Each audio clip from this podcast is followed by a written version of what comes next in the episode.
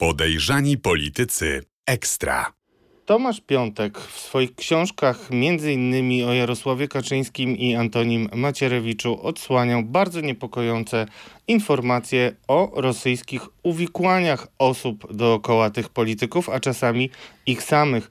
Na okładce tygodnika Newsweek niedźwiedź obejmujący Jarosława Kaczyńskiego zapowiadał tekst o tym, jak sam prezes PiS informuje, że na początku lat 90. spotykał się z agentem KGB. Okazuje się, że aktywiści researcherzy znaleźli kolejne informacje dotyczące tej postaci. Rosyjski szpieg okazuje się być być może jednym z dwóch Rosjan, którzy reprezentowali Związek Radziecki w rozmowach o przyszłości Polski po upadku PRL-u. O tym i o różnych zagadnieniach dotyczących Pegasusa w kontekście bezpieczeństwa narodowego oraz o nadziejach, jakie można pokładać w nowych politykach odpowiedzialnych za służby specjalne, w podejrzanych politykach ekstra rozmawiamy z Tomaszem Piątkiem. Dzień dobry. Tomasz Piątek, autor wielu bestsellerów, dziennikarz, który zasłużył chyba na największy komplement, jaki można usłyszeć, czyli mówiono o tobie i Grzegorzu Rzeczkowskim, że jesteście mm, no, dwóch dziennikarzy robi więcej niż kontrwywiad, mówił generał Janusz Nosek, szef kontrwywiadu wojskowego kiedyś. I teraz mamy już dwa miesiące nowego rządu. Mamy nowego koordynatora służb specjalnych, którym został Tomasz Siemoniak, były wicepremier i minister obrony narodowej, który bardzo wnikliwie i tak metodycznie analizował poszczególne niepokojące informacje, które przynosiłeś. W większości je potwierdzał, a nawet udawało się je czasem pogłębić. No i teraz jesteśmy w przededniu po nawiających się pytań o to, co my powinniśmy z tym zrobić. Napisałeś książkę o Jarosławie Kaczyńskim, Jarosław Kaczyński, jego pajęczyna, dwutomowa biografia. Tam pojawiły się informacje, które zupełnie inaczej y, każą patrzeć na działalność opozycyjną Jarosława Kaczyńskiego, o czym za chwilę jeszcze przypomnisz, ale najbardziej bulwersująca informacja, która w dojrzalszych demokracjach powinna wywołać burzę i komisję śledczą jeszcze w poprzedniej kadencji parlamentu nie została pogłębiona. Nie działa też żadna, jak na razie, komisja, która by badała wpływy rosyjskie, mimo że za naszą granicą bardzo źle się dzieje na froncie y, ukraińskim. Tam Rosjanie niestety wcale nie przegrywają. To możemy już na dziś powiedzieć. Tomku, jak tobie się żyje w nowej Polsce y, koalicji 15 października? Minęły już prawie dwa miesiące, zaraz y, y, zaczynają się kolejne odsłony działań nowej koalicji, między innymi w komisji Pegasus, o której też bym chciał, dotyczącej Pegasusa, o której chciałbym z tobą porozmawiać. Powiedz mi, jakie są twoje, z twojego punktu widzenia, perspektywy na to, żeby odsłonić ten cały no, ruski brud, który e, nie niepokojony przez nikogo narastał na makijażach polskich polityków. E, no, jeśli pytasz o to, jak e, teraz mi się żyje, to pracuję dwa razy intensywniej niż w poprzednim okresie. Staram się wykorzystać nowe możliwości, jakie się pojawiły, żeby wykorzeniać rosyjską białoruską i chińską agenturę w naszym kraju. Jestem w kontakcie z politykami, jestem także w kontakcie z politykami, którzy weszli, do, weszli w skład komisji zajmującej się Pegasusem. To jest jedna z najbardziej palących, najbardziej niepokojących spraw, które trzeba natychmiast wyjaśnić. To słyszałem wiele razy, ale ty powiedz dlaczego, bo twoja argumentacja jest zupełnie inna. Przepraszam, że ci wchodzę w słowo, będę tak do ciebie hmm. machał, żebyś się nie gniewał. E, no tak, tak. To ja tutaj może takim cytatem się posłużę. E, niedawno ktoś mnie zapytał, panie Tomku, a kto tu w Polsce ma najwięcej haków? Czy Ziobro, czy Kaczyński, czy może Macierewicz? No i ja na to odpowiedziałem, że to jest takie pytanie, jakby pytać, gdzie e, na zimę lecą bociany, czy do Krakowa, czy do Zakopanego. Niestety my ciągle tkwimy w tym polskim zaścianku mentalnie i nie rozumiemy, że Polska jest częścią E, mapy, na której się toczy wojna między mocarstwami. E, najwięcej haków na polskich polityków ma Władimir Władimirowicz Putin. I świat nie kończy się na Krakowie, na Zakopanem. E, bociany lecą na zimę do Afryki, a za naszą granicą wschodnią jest Rosja, jest wojna w Ukrainie, jest Białoruś i jest przede wszystkim Kreml, gdzie, są, gdzie zgromadzono ogromną wiedzę na temat Polski. I e, do tego się właśnie e, prawdopodobnie przyczynił również Pegasus to, że e, Jarosław Kaczyński dostawał co rano na biurko dzięki Pegasusowi raporty na temat tego, co robi Krzysztof Brejza, co robi Sławomir Nowak, co robią szefowie sztabów wyborczych opozycji, no to jest oczywiście skandal. To jest zbrodnia na demokracji. na demokracji. Ale my tutaj mówimy o sprawach jeszcze poważniejszych. My tu mówimy o zbrodniach przeciwko naszej niepodległości, o bezpieczeństwie narodowym, które jest czymś jeszcze bardziej podstawowym niż e, kwestie gwałcenia demokracji. E, firma Matic, która zakupiła Pegasusa dla PiS i dla Ziobry i która wdrażała ten system, to jest firma e, założona przez esbeków i ludzi związanych z Moskwą.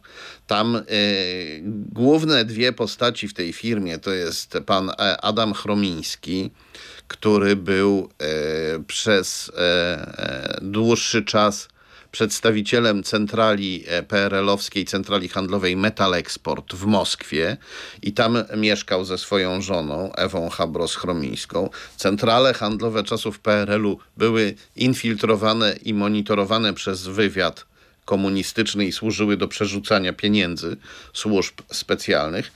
E, formalnie założycielką spółki jest żona pana Chromińskiego, Ewa Habros-Chromińska. To jest esbeczka z wieloletnim stażem, e, córka Ubeka, który zaczął jeszcze karierę za czasów stalinizmu w służbach specjalnych i później córkę wypromował już w służbie bezpieczeństwa w latach 70. i 80.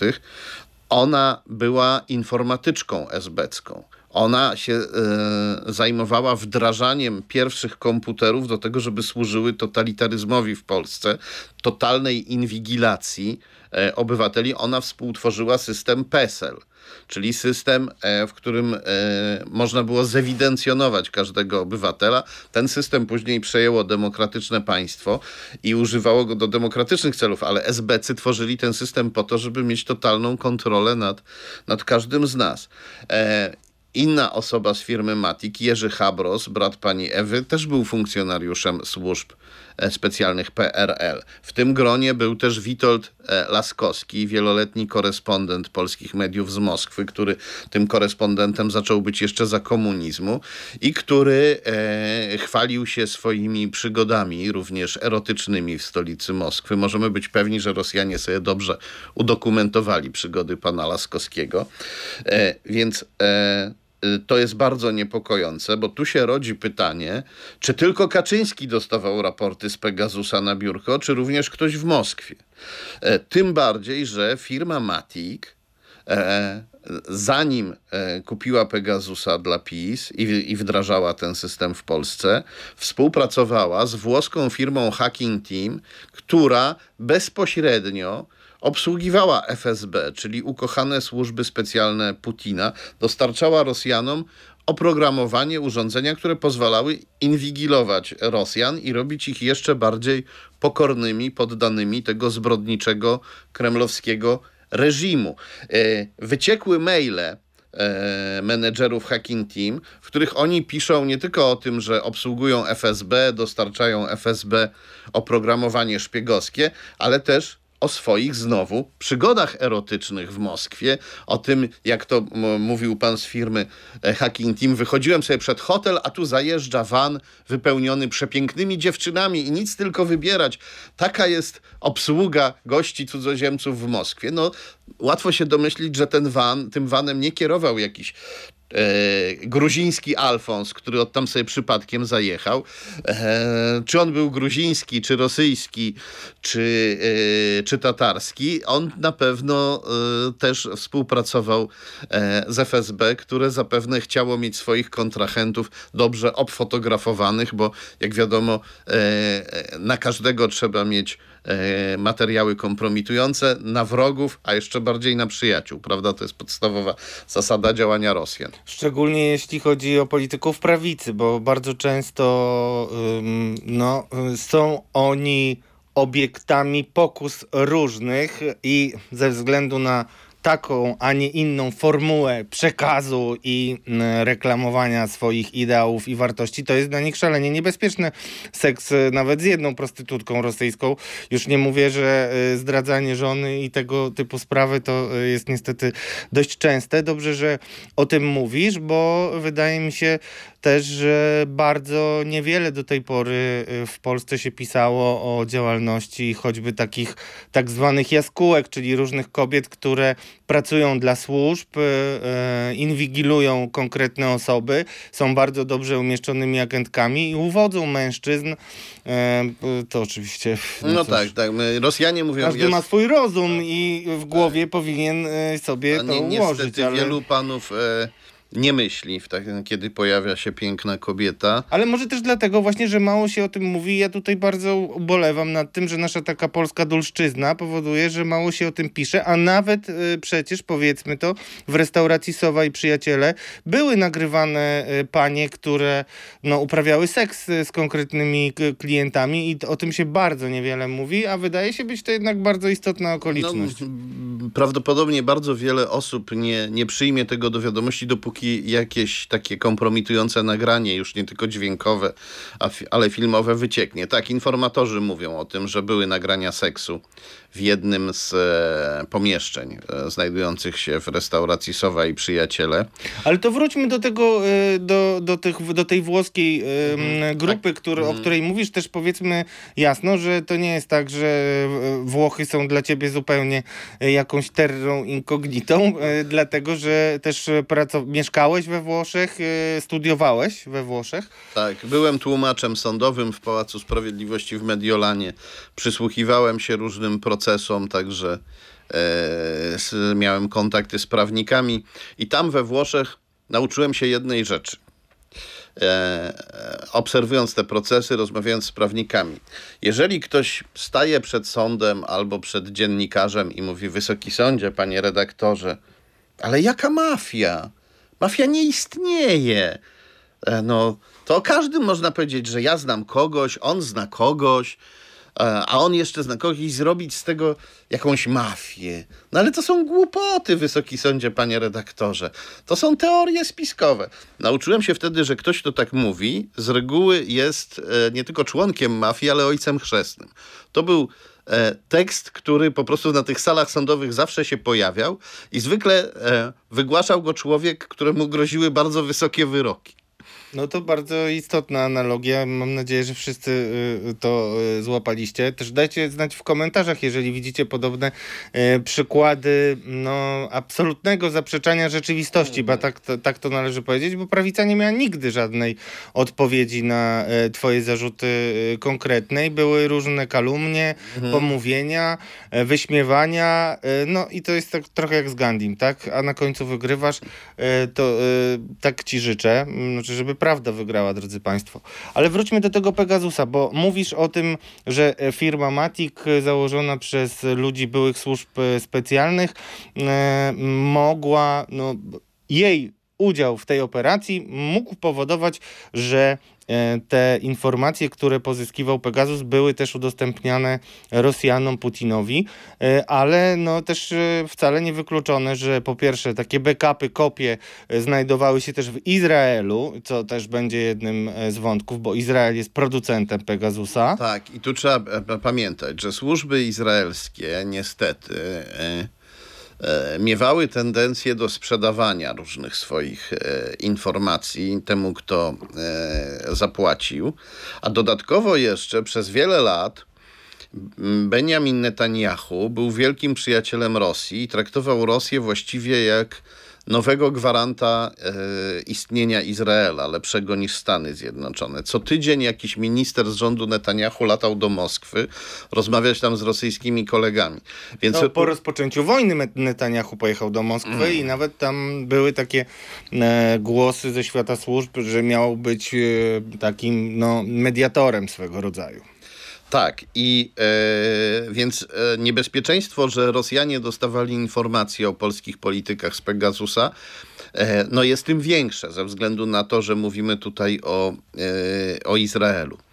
E, po trzecie, e, Eksperci zauważyli, że rozwiązania informatyczne zastosowane w Pegasusie są kompatybilne z rozwiązaniami stosowanymi przez wielką chińską firmę Tencent.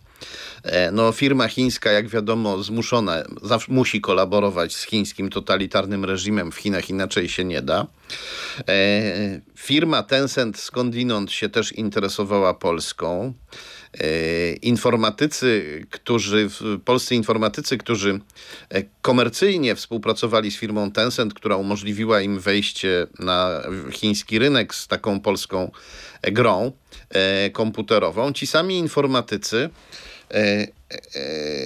i, i biznesmeni wspierali Andrzeja Dudę w kampanii 2015 roku. Dudę, który jak wiadomo jest wielkim zwolennikiem współpracy z Chinami, ostentacyjnie przyjaźni się z chińskim zbrodniczym dyktatorem Xi Jinpingiem. Nie wiem, czy widziałeś jego prezydencki minister, szef tego biura y, międzynarodowego, Jakub Kumoch, właśnie y, zamieszczał na Twitterze informację, że on sobie tam z oficjalami chińskimi y, działa, dlatego że y, niedawno został polskim ambasadorem w Chinach. Właśnie Jakub Kumoch też o nim pewnie będzie kiedyś głośno, mm. bo zwracałeś uwagę, że to jego chińskie y, y, mił... no, uwielbienie dla Chin jest bardzo niebezpieczne. No, Kumoch to również bywalec Moskwy i e, w przeszłości wyrażał e, uwielbienie nie tylko dla polityków z Pekinu, także dla polityków z Kremla. To e, moim zdaniem to MSZ mm, powinien panem Kumochem się szybko teraz zająć. Ale wracając do założycieli firmy Matic, oni również współpracują z Chińczykami w, chi w firmach i stowarzyszeniach działających w Polsce. Ci sami SBC, którzy mają też powiązania z Moskwą. No, to tworzy obraz bardzo niepokojący, tym bardziej, że totalitarne Chiny to główny sojusznik putinowskiej Rosji, naszego wroga numer jeden. I y, jeżeli my y, o tym nie będziemy pamiętać, to, e, to znaczy, że jest z nami bardzo źle. No ale mam nadzieję, że członkowie Komisji do Spraw Pegasusa o tych wszystkich faktach pamiętać będą. Znaczy, na pewno y, Pegasus odsłania ten problem, o którym ty pisałeś, y, opisując kolejne postaci z tej talii Zjednoczonej Prawicy. To znaczy brak jakiejkolwiek ochrony kontrwywiadowczej. Ja też mogę powiedzieć, że z moich źródeł, po tym jak e, zmieniła się władza i przyjechał między innymi oficjel amerykańskich służb do Polski, spotkał się z Tomaszem Siemoniakiem, no to doszły do mnie takie echa tego spotkania, że no ogólne wrażenie było takie, że Polska bardzo rozczarowała swoich sojuszników z NATO w lutym, kiedy dwa lata temu napadła Rosja na Ukrainę, bo była kompletnie ślepa i głucha. E, czy, y, czy ty uważasz, że istnieje szansa dzisiaj przy nowej ekipie i przy Tomaszu Siemoniaku, że mm, zagadka tej ślepoty i głuchości, o której my krzyczeliśmy już w 2016-2017 roku, e, będzie jakkolwiek wyjaśniona.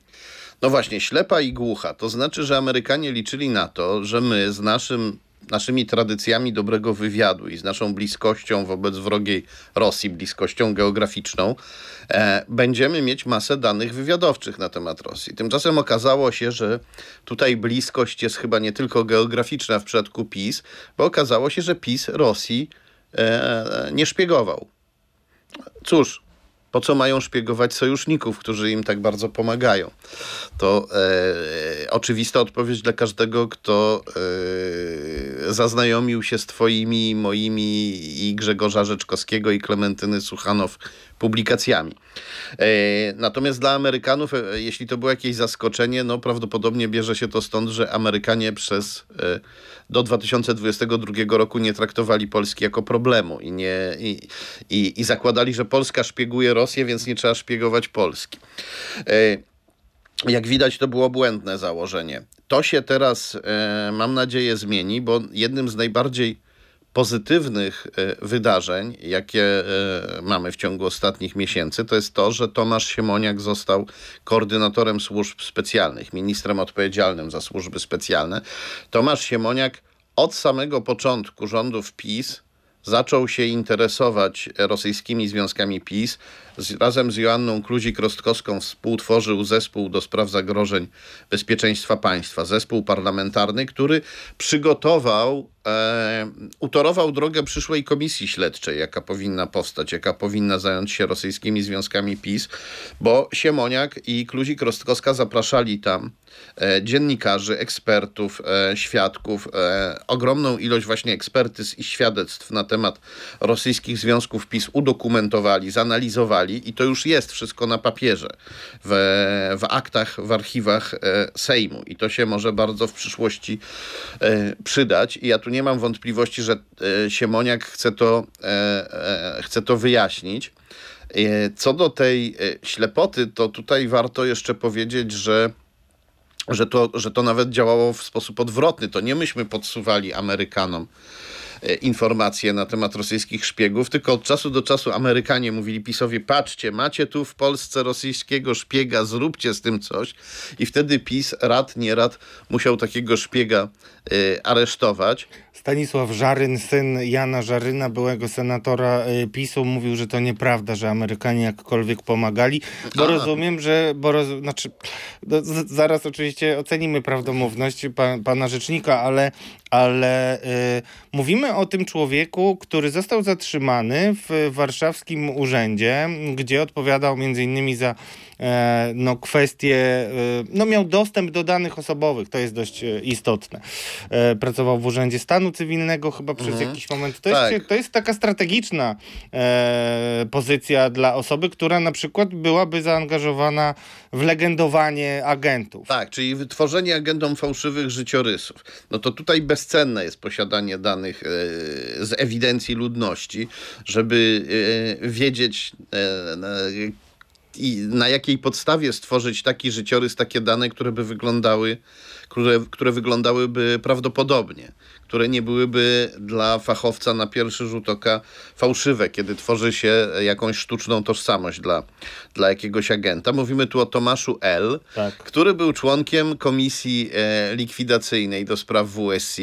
Czyli, to powiedzmy, bo to ludzie jeszcze do niedawna nawet nie wiedzieli, że, mm, no, to, to, to, to, istniało, ale chodzi o komisję, którą prowadził Antoni Macierewicz, ujawniając nasze no, aktywa wywiadu. Dokładnie, dokładnie rzecz biorąc to było tak, więc mamy dwa 2006 rok. E, Kaczyński rządzi i postanawia razem z Macierewiczem e, zniszczyć wojskowe służby informacyjne, czyli wywiad i kontrwywiad polskiej armii.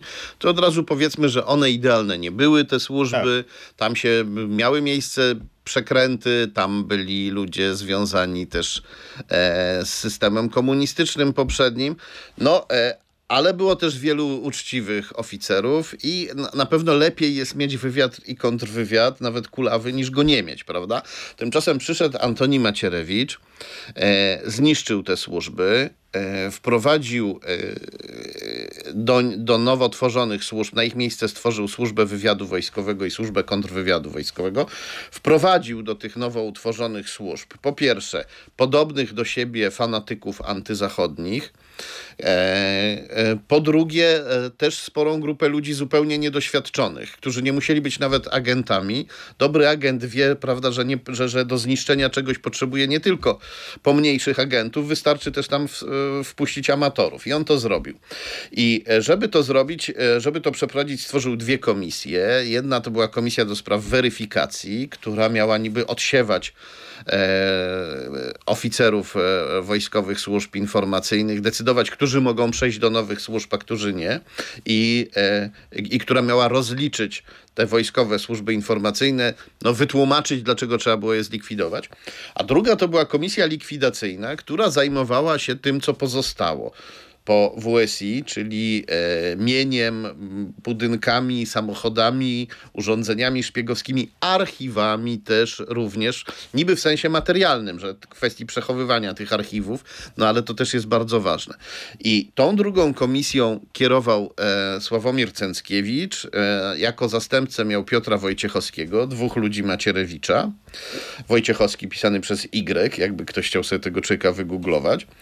Pan Sławomir Cęckiewicz, jak wiadomo, próbuje się nam prezentować jako główny łowca agentów w Polsce, ale pan Sławomir Cęckiewicz zaczął swoją karierę w latach 90. w takiej antyzachodniej organizacji, która się nazywała Ruch Narodowy i która sama siebie określała jako e, opcja proradziecka w Polsce. Nie komunistyczna, ale proradziecka.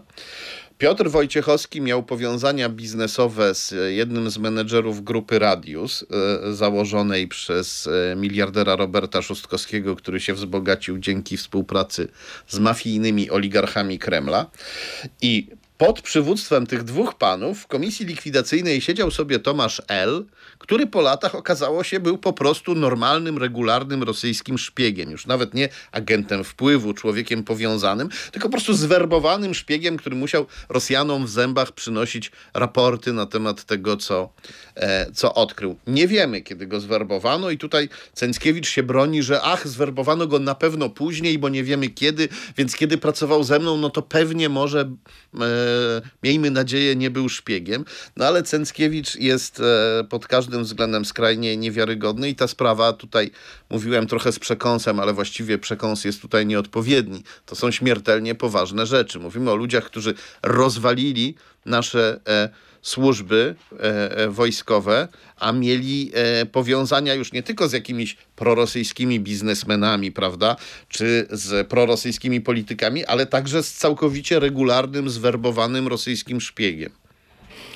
No właśnie, to jest y, ciągle niewyjaśniona sprawa, tylko też y, jedną rzecz chciałem też y, złapać cię za słowo. Powiedziałeś przy okazji mm, analizowania Cęckiewicza, że on był wtedy w takim ugrupowaniu antyzachodnim i chciałbym na chwilę się zatrzymać nad tym antyzachodnim charakterem prawicy, bo nie jest to oczywiste i chciałbym, żebyś to też na chwilkę rozłożył na czynniki pierwsze. Bo oczywiście no, jest faktem, że PiS bardzo konsekwentnie występuje przeciwko Niemcom i przeciwko Unii Europejskiej, ale przedstawia się jako wielki sojusznik USA, najlepszy być może e, sojusznik, e, czasami tak mówiono, szczególnie w czasach Trumpa. E, no i jak to ma taki przeciętny człowiek zrozumieć, który przecież słyszy, no my jesteśmy tu największymi sojusznikami Amerykanów, wiadomo, że musimy przeciwstawiać się Rosji i tak dalej, a Niemcy dybią na naszą suwerenność nie mniej niż Rosjanie. Rozwiążmy ten kłębek. Znaczy, Niemcy już od lat bardzo e, e, ofiarnie wspierają Ukrainę. Na początku były, mieli problemy. Były tam różne problemy natury polityczno-kulturowej, że jakże to my, Niemcy, zhańbieni II wojną światową, nazizmem, czy możemy wysyłać broń. W końcu się walnęli w łeb i powiedzieli tak, musimy. Zrozumieli, że Rosja to nowy faszyzm. E, I to jest bardzo pozytywne zjawisko, że e, Niemcy jakby dokonały takiej mentalnej e, rewolucji. Co do Stanów Zjednoczonych. Prezydent Donald Trump, którego PiS gorąco popierał, Kaczyński chodził w czerwonej czapeczce Donalda Trumpa. Prezydent Donald Trump jest jednym z głównych wrogów NATO jest człowiekiem, który mówił, że trzeba NATO rozwiązać, albo chciał je osłabić i sprowadzić do jakiejś takiej bezsilnej, do, do, do stanu, do, do poziomu takiej bezsilnej organizacji w rodzaju ONZ. I to jeszcze potwierdzali to sami politycy z jego gabinetu później, że jeszcze jedna kadencja i prawdopodobnie wyszłyby Stany z NATO, więc to nie jest tak, że to jest twoja wizja, tylko mówimy nie, no, o bardzo konkretnych rzeczach. Też uspokajam A. moich prawników, że nawet opowieści o poszczególnych biznesmenach i tak dalej były już rozpoznawane procesowo w sądach, więc rozumiem, że służy tak, w razie tak. czego wszystkimi e, uzasadnieniami. O tym jeszcze za chwilę. Tak, tak. Sądy, sądy potwierdziły to, co mówię, włącznie z Sądem Najwyższym, gdzie już dwukrotnie wygrałem przed Sądem Najwyższym, 11 razy w ogóle wygrałem w sądzie. Więc nie, już 12 razy wygrałem. Także jesteśmy bezpieczni tak, procesowo, tak, drodzy Państwo. Y, tak. Wracamy do, do e, tego tak, Trumpa. Do, do, do Donalda Trumpa. Sam Donald Trump niedawno powiedział, że e, gdy był prezydentem, to zapowiedział e, e, Unii Europejskiej, że nie będzie jej bronić przed e, Rosjanami. I e, Więc Donald Trump jest wrogiem NATO i gdyby on rządził przez ostatnie 4 lata w Stanach, to e, Polska byłaby w strasznym położeniu. To czy Ukraina nie dostałaby żadnej pomocy, zostałaby zajęta, my mielibyśmy soldatów Putina nad wschodnią granicą i żadnej gwarancji pomocy ze strony NATO. I prawdopodobnie już w tej chwili byśmy widzieli e, Kaczyńskiego, Morawieckiego e, i ministra Rał na Kremlu, jak się płaszczą przed Putinem i mówią, że będziemy teraz wspólnie walczyć ze zgniłym Zachodem. E, e, po drugie, Donald Trump jest najbardziej antyamerykańskim prezydentem w historii USA. To jest człowiek, który doprowadził Stany Zjednoczone do nowej wojny secesyjnej. To jest na razie jeszcze zimna wojna, no ale ofiary też są. E, Mówisz o Kapitolu, czy generalnie o tej nienawiści? Generalnie, tak, tak. Do nienawiść pomiędzy. E, białymi radykałami prawicowymi, przeważnie z południa, a resztą społeczeństwa przybrała formy patologiczne. Polaryzacja jest znacznie ostrzejsza niż w Polsce. I Donald Trump tym atakiem na Kapitol skompromitował Stany Zjednoczone i zachodnią demokrację, robiąc kolejny gigantyczny prezent Putinowi i, i, i Chińczykom. E, Tymczasem PiS popierał Donalda Trumpa tak bardzo, że nawet po tym, jak Donald Trump e, odszedł e, z Białego Domu w niesławie, PiS się upierał, że Trump wygrał wybory i że tylko, że te wybory mu ukradziono, że wybory amerykańskie zostały sfałszowane. Po zwycięstwie Joe Bidena PiS uprawiał e, jawną antyamerykańską propagandę politycy PiS pisali, że Biden to katastrofa, że Biden to dziadek, który nic nie rozumie, że Biden ukradł wybory, że głosowały na niego martwe dusze, że, że to złodziej głosów wyborczych. I dopiero wtedy, kiedy e, zaczęła się inwazja e, Rosji na Ukrainę, i, i PiS e, e, zrozumiał, że, że, że nawet jego wyborcy nie chcą układać się e, z Putinem, tylko chcą amerykańskiego parasola ochronnego.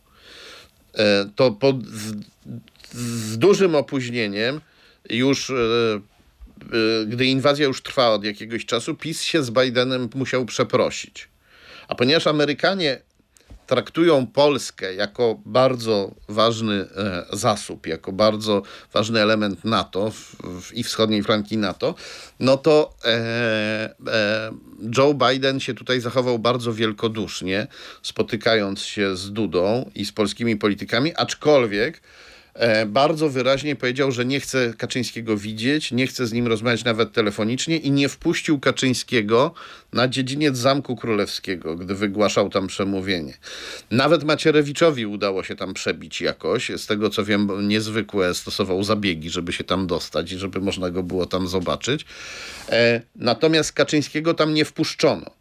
Biden nie chciał się też spotykać z Morawieckim. Morawiecki wybłagał sobie to, żeby mógł uczestniczyć w e, spotkaniu Bidena z Trzaskowskim na e, stadionie e, w Warszawie, gdzie Biden i Trzaskowski odwiedzili uchodźców z Ukrainy. A i tak komunikat Departamentu Stanu brzmiał, że prezydent USA Joe Biden i prezydent Warszawy Rafał Trzaskowski rozmawiają z uchodźcami, a przysłuchuje się temu, uczestniczy w tym z boku Mateusz Morawiecki. Więc opowieści o tutaj o rzekomym, rzekomej proamerykańskiej postawie PiS to jest kolejne kłamstwo, które się nam serwuje. I to nie zaczęło się z Joe Bidenem.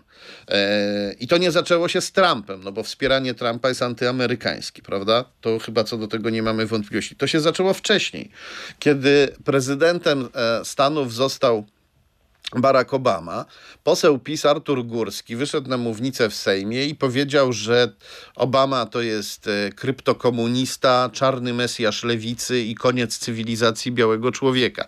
No, trudno o bardziej rasistowski i antyamerykański przekaz, a mimo to Artur Górski pozostał w PiS, a po tym jak zmarł, to Kaczyński go wysławiał jako wspaniałego patriotę, który niestety odszedł. Więc nie dajmy się na ten teatr nabierać. Już chyba dosyć widzieliśmy przez ostatnie 8 lat, żeby nie wierzyć w to, co opowiadają pisowcy.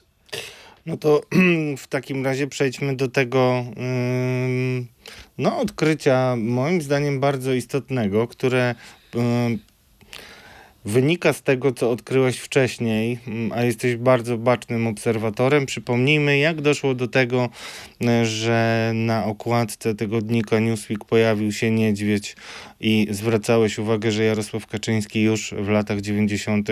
miał bardzo niebezpieczne związki i to jeszcze radzieckie, trzeba tak powiedzieć. Tak, nie tylko rosyjskie, tylko radzieckie, sowieckie.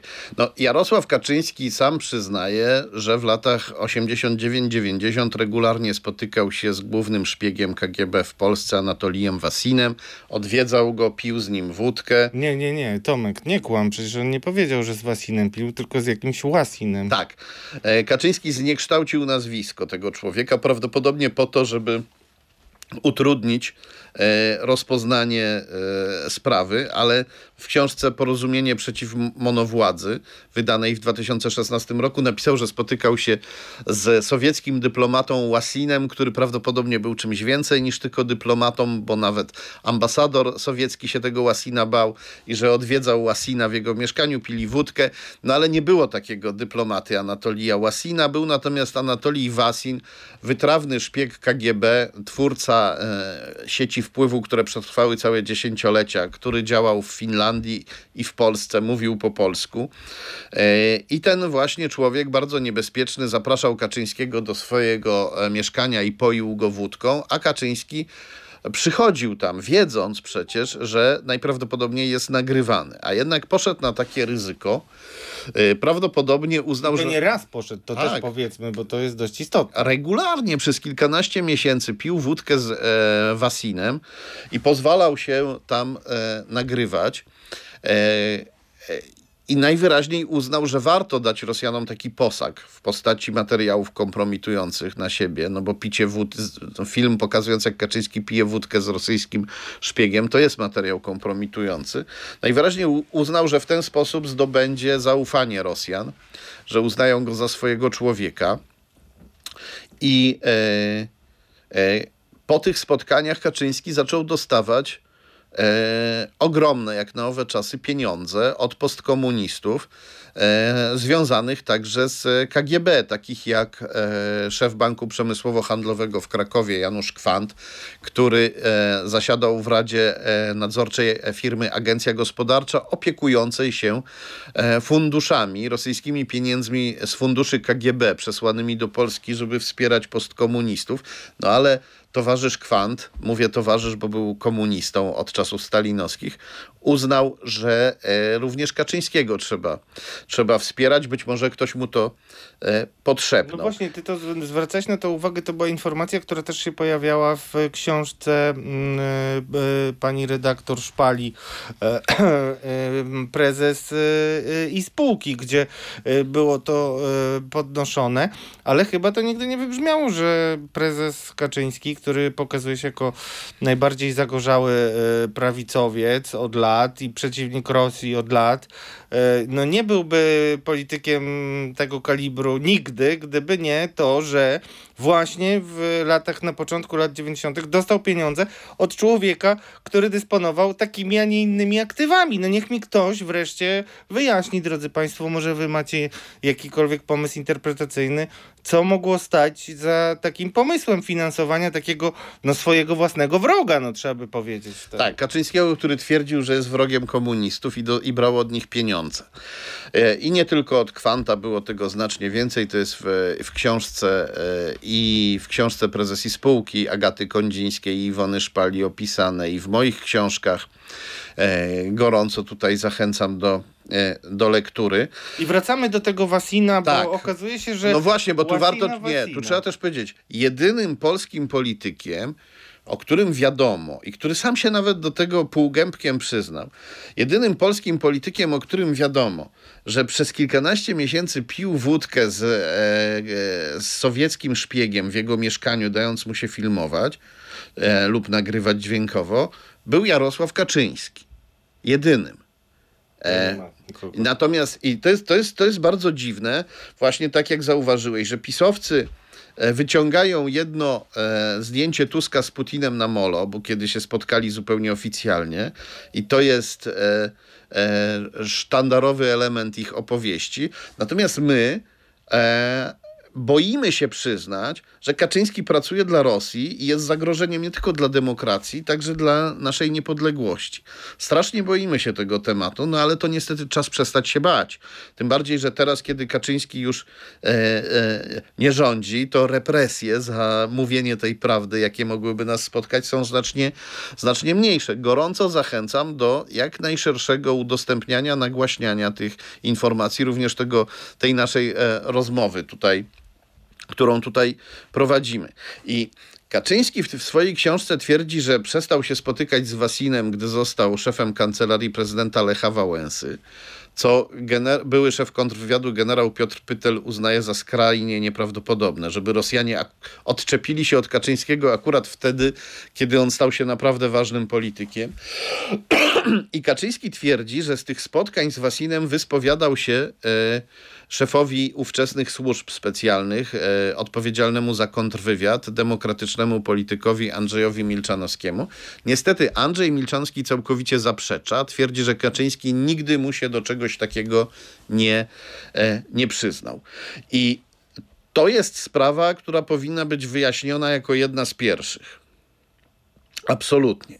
I teraz e, do tego dochodzi kolejny ciekawy element. E, aktywista, researcher Dominik Gąsiorowski wyszperał, że w innej książce z 91 roku, w książce Odwrotna strona medalu, to jest wywiad z Kaczyńskim przeprowadzony przez jego fankę Teresę Bochwic. Tak znaną propisowską działaczkę, tak. taką niby medioznawczynię od tak, tak. pewnego tak. czasu.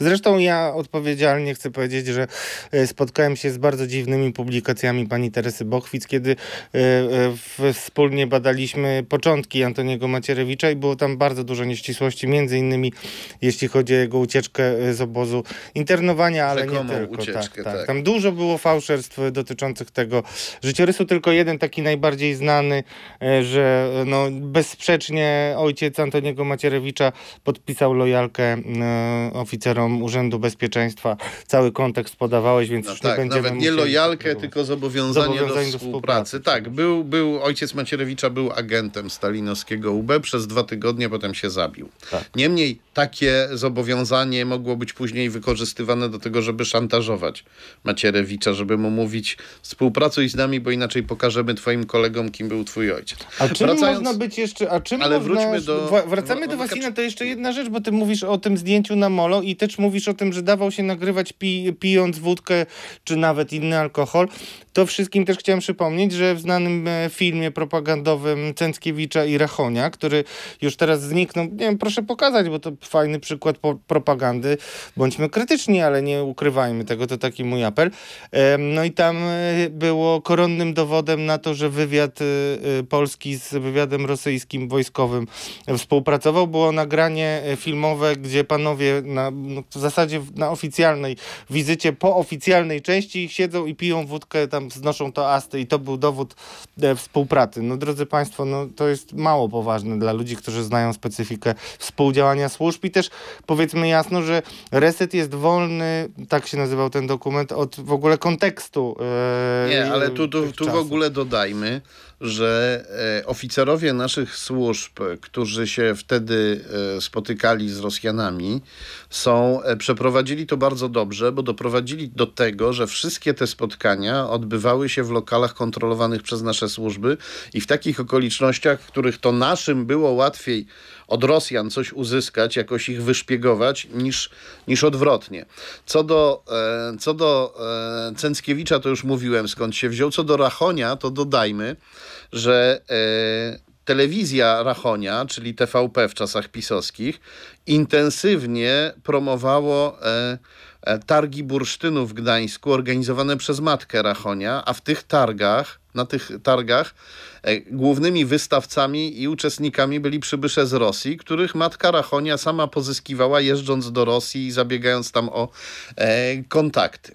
To jest e, e, na pewno ciekawe i z punktu widzenia finansowego sprawdzenie, e, dlaczego TVP tak bardzo panią Ewę Rachoń, matkę Rachonia promowało, no i także z punktu widzenia wywiadowczego, jak się to ma do działalności samego Rachonia. Ale wracamy do Kaczyńskiego i Wasina. Tak, tak. Mówiliśmy, że aktywista i researcher Dominik Gąsiorowski wyszperał w książce z 91 roku w wywiadzie przeprowadzonym z Kaczyńskim przez panią Teresę Bochwic wyszperał tam takie e, słowa Kaczyńskiego, takie zdania, w których Kaczyński mówi, że zanim zaczął spotykać się z Wasinem, przychodził do niego jeszcze jakiś inny Rosjanin, jeszcze przed E, czerwcem 89 roku, przed pierwszymi częściowo demokratycznymi wyborami. To poczekaj, uporządkujmy. Ja tutaj mam konkretne cytaty e, z tej książki umieszczone na Facebooku pana Dominika Gąsiorowskiego. Bardzo gratuluję, tym bardziej, że obserwuję działalność e, pana Dominika od dawna i na razie nie znalazłem żadnych błędów w jego rozumowaniu.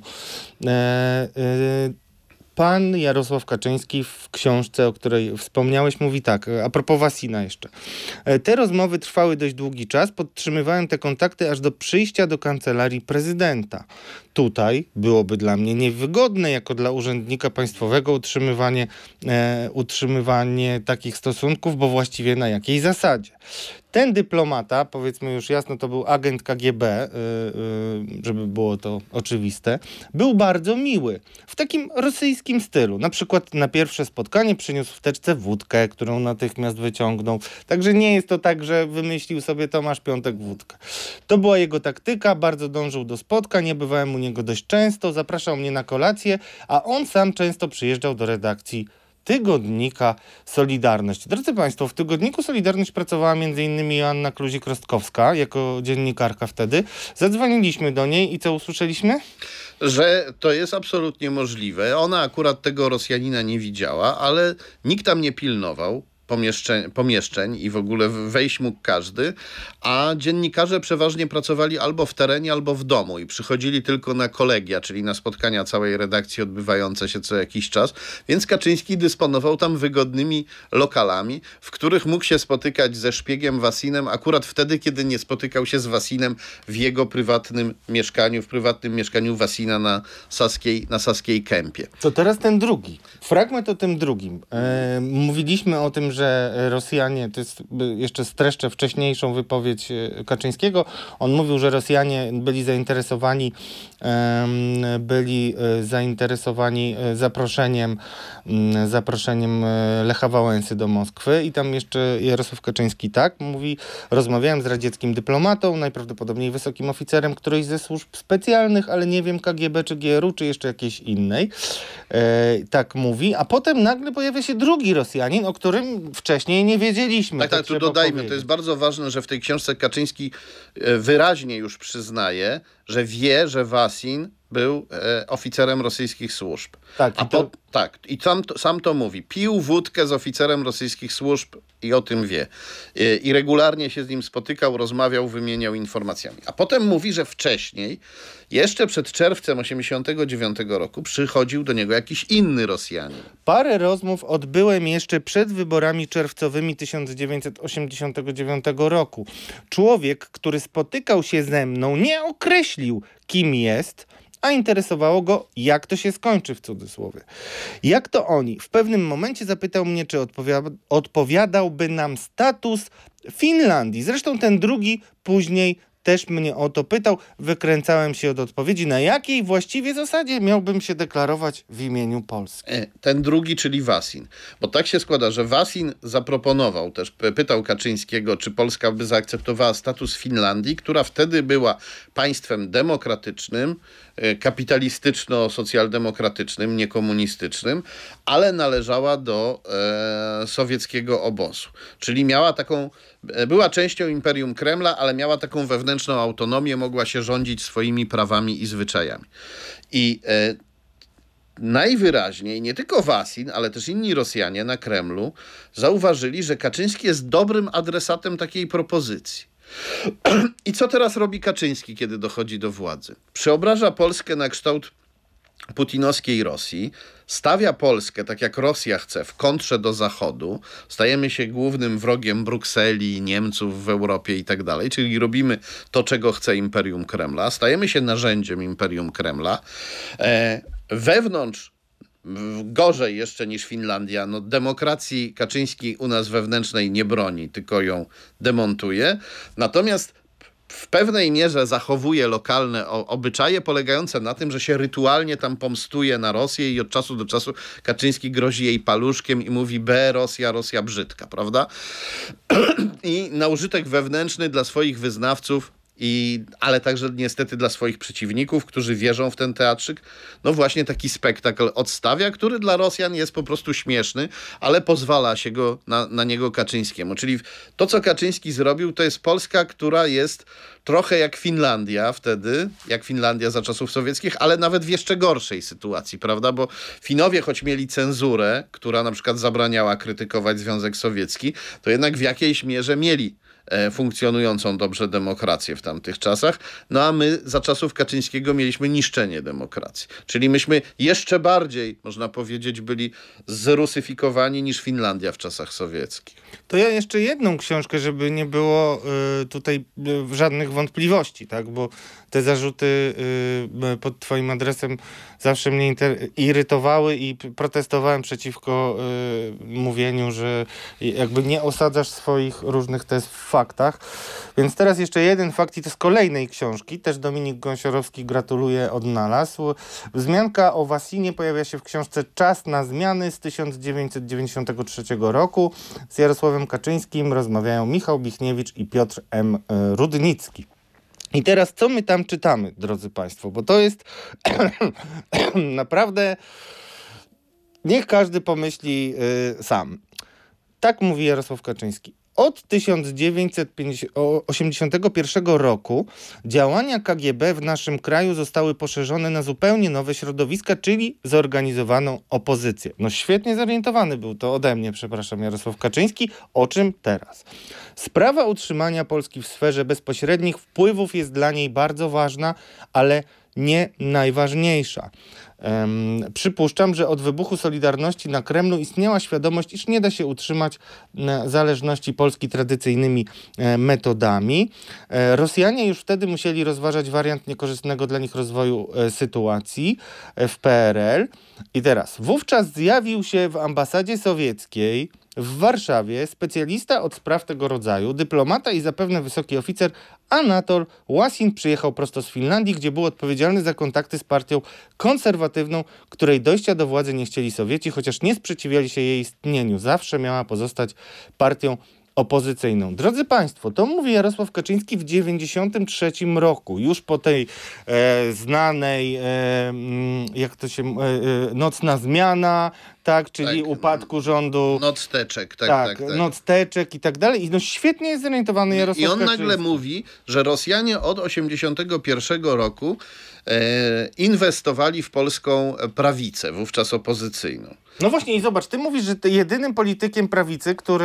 e, Jedynym politykiem polskim. Polskim, tak, w ogóle, do opozycji ogóle. demokratycznej na pewno, był Jarosław Kaczyński, a co my tutaj... Jedynym, który pił wódkę regularnie z rosyjskim szpiegiem. I on mówi, że już w 81 roku był Łasin, nie wiem, sam mu powiedział Łasin, Wasin yy, w yy, rozmowach, no wiesz, siedzę tutaj od 81 roku, chciałem Cóż. chyba opozycję tutaj, ale... I tu się pojawia pytanie, skąd Rosjanie, skąd Kaczyński o tym wie, to pierwsze pytanie, a drugie powraca pytanie, skąd Rosjanie wiedzieli, że w Polsce jest taki Kaczyński, któremu można zaproponować finlandyzację Polski. I tutaj być może e, na oba te pytania jest jedna odpowiedź. W 81 roku, pod koniec, w grudniu, już w stanie wojennym, Kaczyński odbył w- całodniową rozmowę z kapitanem SB Marianem Szpitalniakiem, który był SB-kiem wybitnym i który miał e, nie, pośrednie powiązania z, e, z Sowietami, a także bezpośrednie, bo jeździł w przeszłości do Rosji. I e, Marian Szpitalniak później wykorzystywał Kaczyńskiego jako można powiedzieć, no e, takiego, mm, jakby to określić.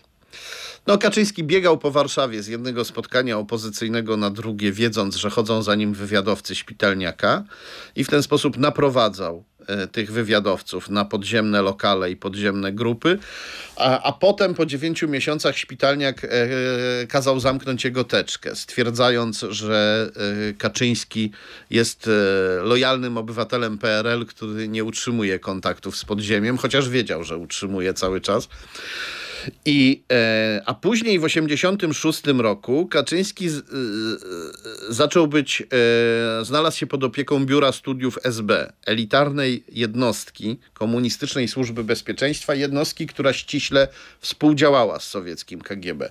Więc być może ta współpraca ze Szpitalniakiem i później, i e, później opieka Biura Studiów SB przełożyły się na to, że Kaczyński wiedział o tym, że Rosjanie przychodzą z ofertami do polityków polskiej prawicowej opozycji polityków radykalnego podziemia i, yy, i przełożyła się też na to, że Rosjanie wiedzieli o Kaczyńskim. Wiedzieli, że to jest człowiek, któremu można składać różne propozycje.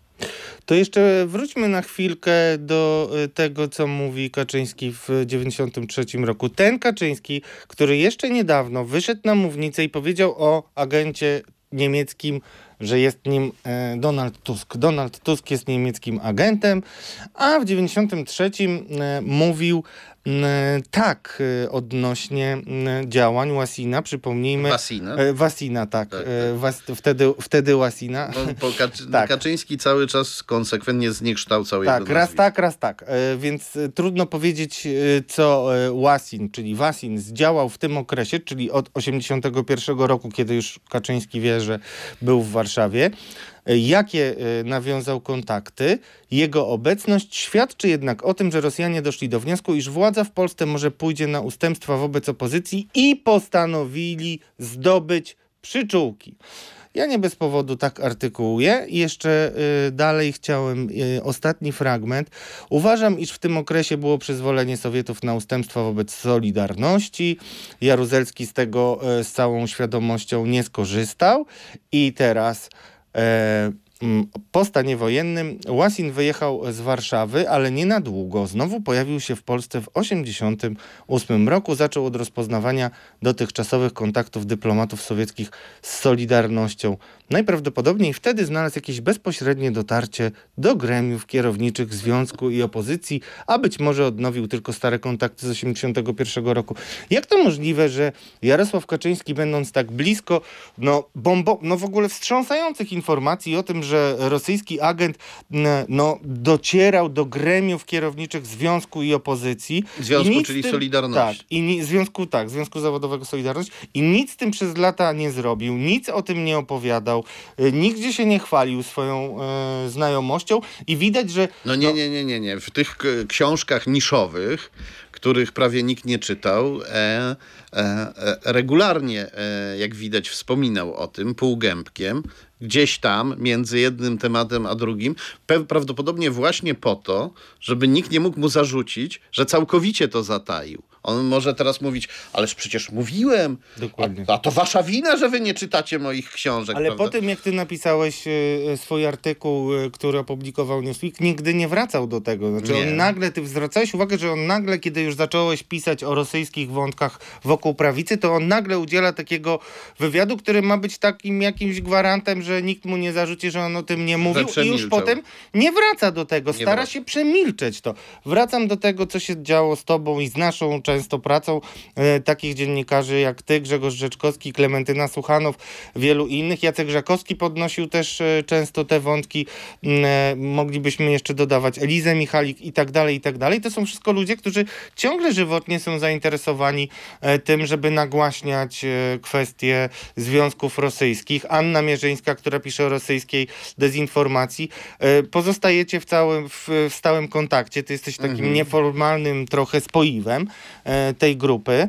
Mm, Jak, e, jeśli możesz nam zdradzić rąbka tajemnicy, e, to grono podchodzi e, do tych informacji i jakie potrzeby ze strony nowej władzy e, widzicie?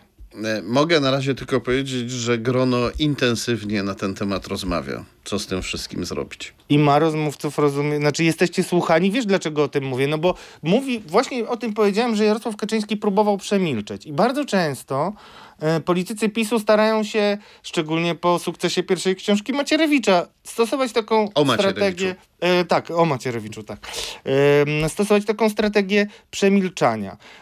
Niedużo teraz też mówi nowa ekipa rządząca o tych rosyjskich wpływach, mimo że mamy wojnę. No dobrze, że Donald Tusk przywozi reset e, z władzami ukraińskimi. Czy jest teraz w ogóle mam- ktoś, kto słucha tego? Jest ktoś, kto słucha, nie jedna osoba i ogólnie po tych mm, paru miesiącach e, e, od upadku PiS, e, no powiedzmy od oddania władzy przez PiS, no bo tu jeszcze tego pełnego e, upadku nie ma i mam nadzieję, że on nadejdzie. Widzę, że mamy do czynienia z władzą, która woli robić niż mówić. Pamiętam, jak zaprosiłem jeszcze przed wyborami do, e, do mojego programu na kanale e, Reset Obywatelski, na kanale YouTube Reset Obywatelski, zaprosiłem Adama Bodnara i zapytałem go, panie Adamie, no ale Ziobro zostawił w prokuraturze takie cuchnące jajo w postaci prokuratora krajowego Dariusza Barskiego, który jest jego przyjacielem, był świadkiem na jego ślubie i który e, teraz o wszystkim decyduje i nie można go e, wyrzucić bez zgody prezydenta Andrzeja Dudy. No to co wy tam zrobicie, nawet jeśli te wybory wygracie? I e, Adam Bodnar odpowiedział mi z takim łagodnym uśmiechem: No, myślę, że znajdą się sposoby na to, żeby jakoś e, przemówić do rozsądku Dariuszowi Barskiemu. No, nie wiedziałem, co o tym myśleć. Właściwie po rozmowie ja się złapałem za głowę i mówię: O matko, nadchodzi jakaś kraina łagodności. Ludzie, którzy chcą zdrajcom, wrogom Polski, zakamieniałym, przemawiać do rozsądku. Co to będzie, nie?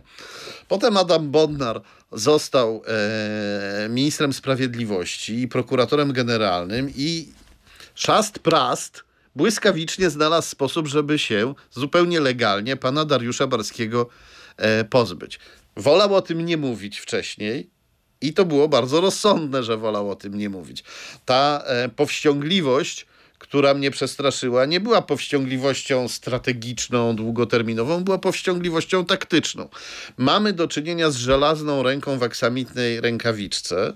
I e, mam nadzieję, że ta żelazna ręka w aksamitnej rękawiczce w wielu resortach, również w tych związanych z bezpieczeństwem narodowym, będzie konsekwentnie pracować.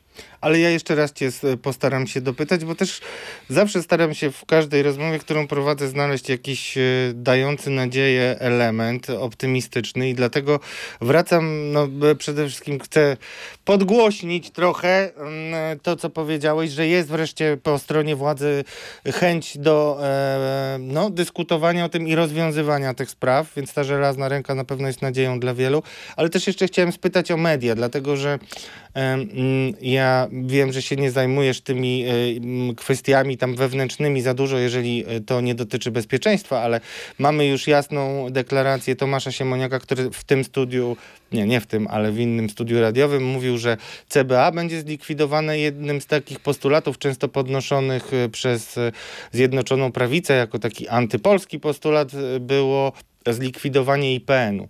Pytam o to, o, chciałbym Cię poprosić, żebyś ocenił ten pomysł w ogóle, dlatego że e, mimo że też w swoich książkach wskazujesz na to, że IPN przez ostatnie lata szczególnie był używany do budowania takiej hagiografii żywotów świętych polityków e, prawicy i poszczególnych elementów.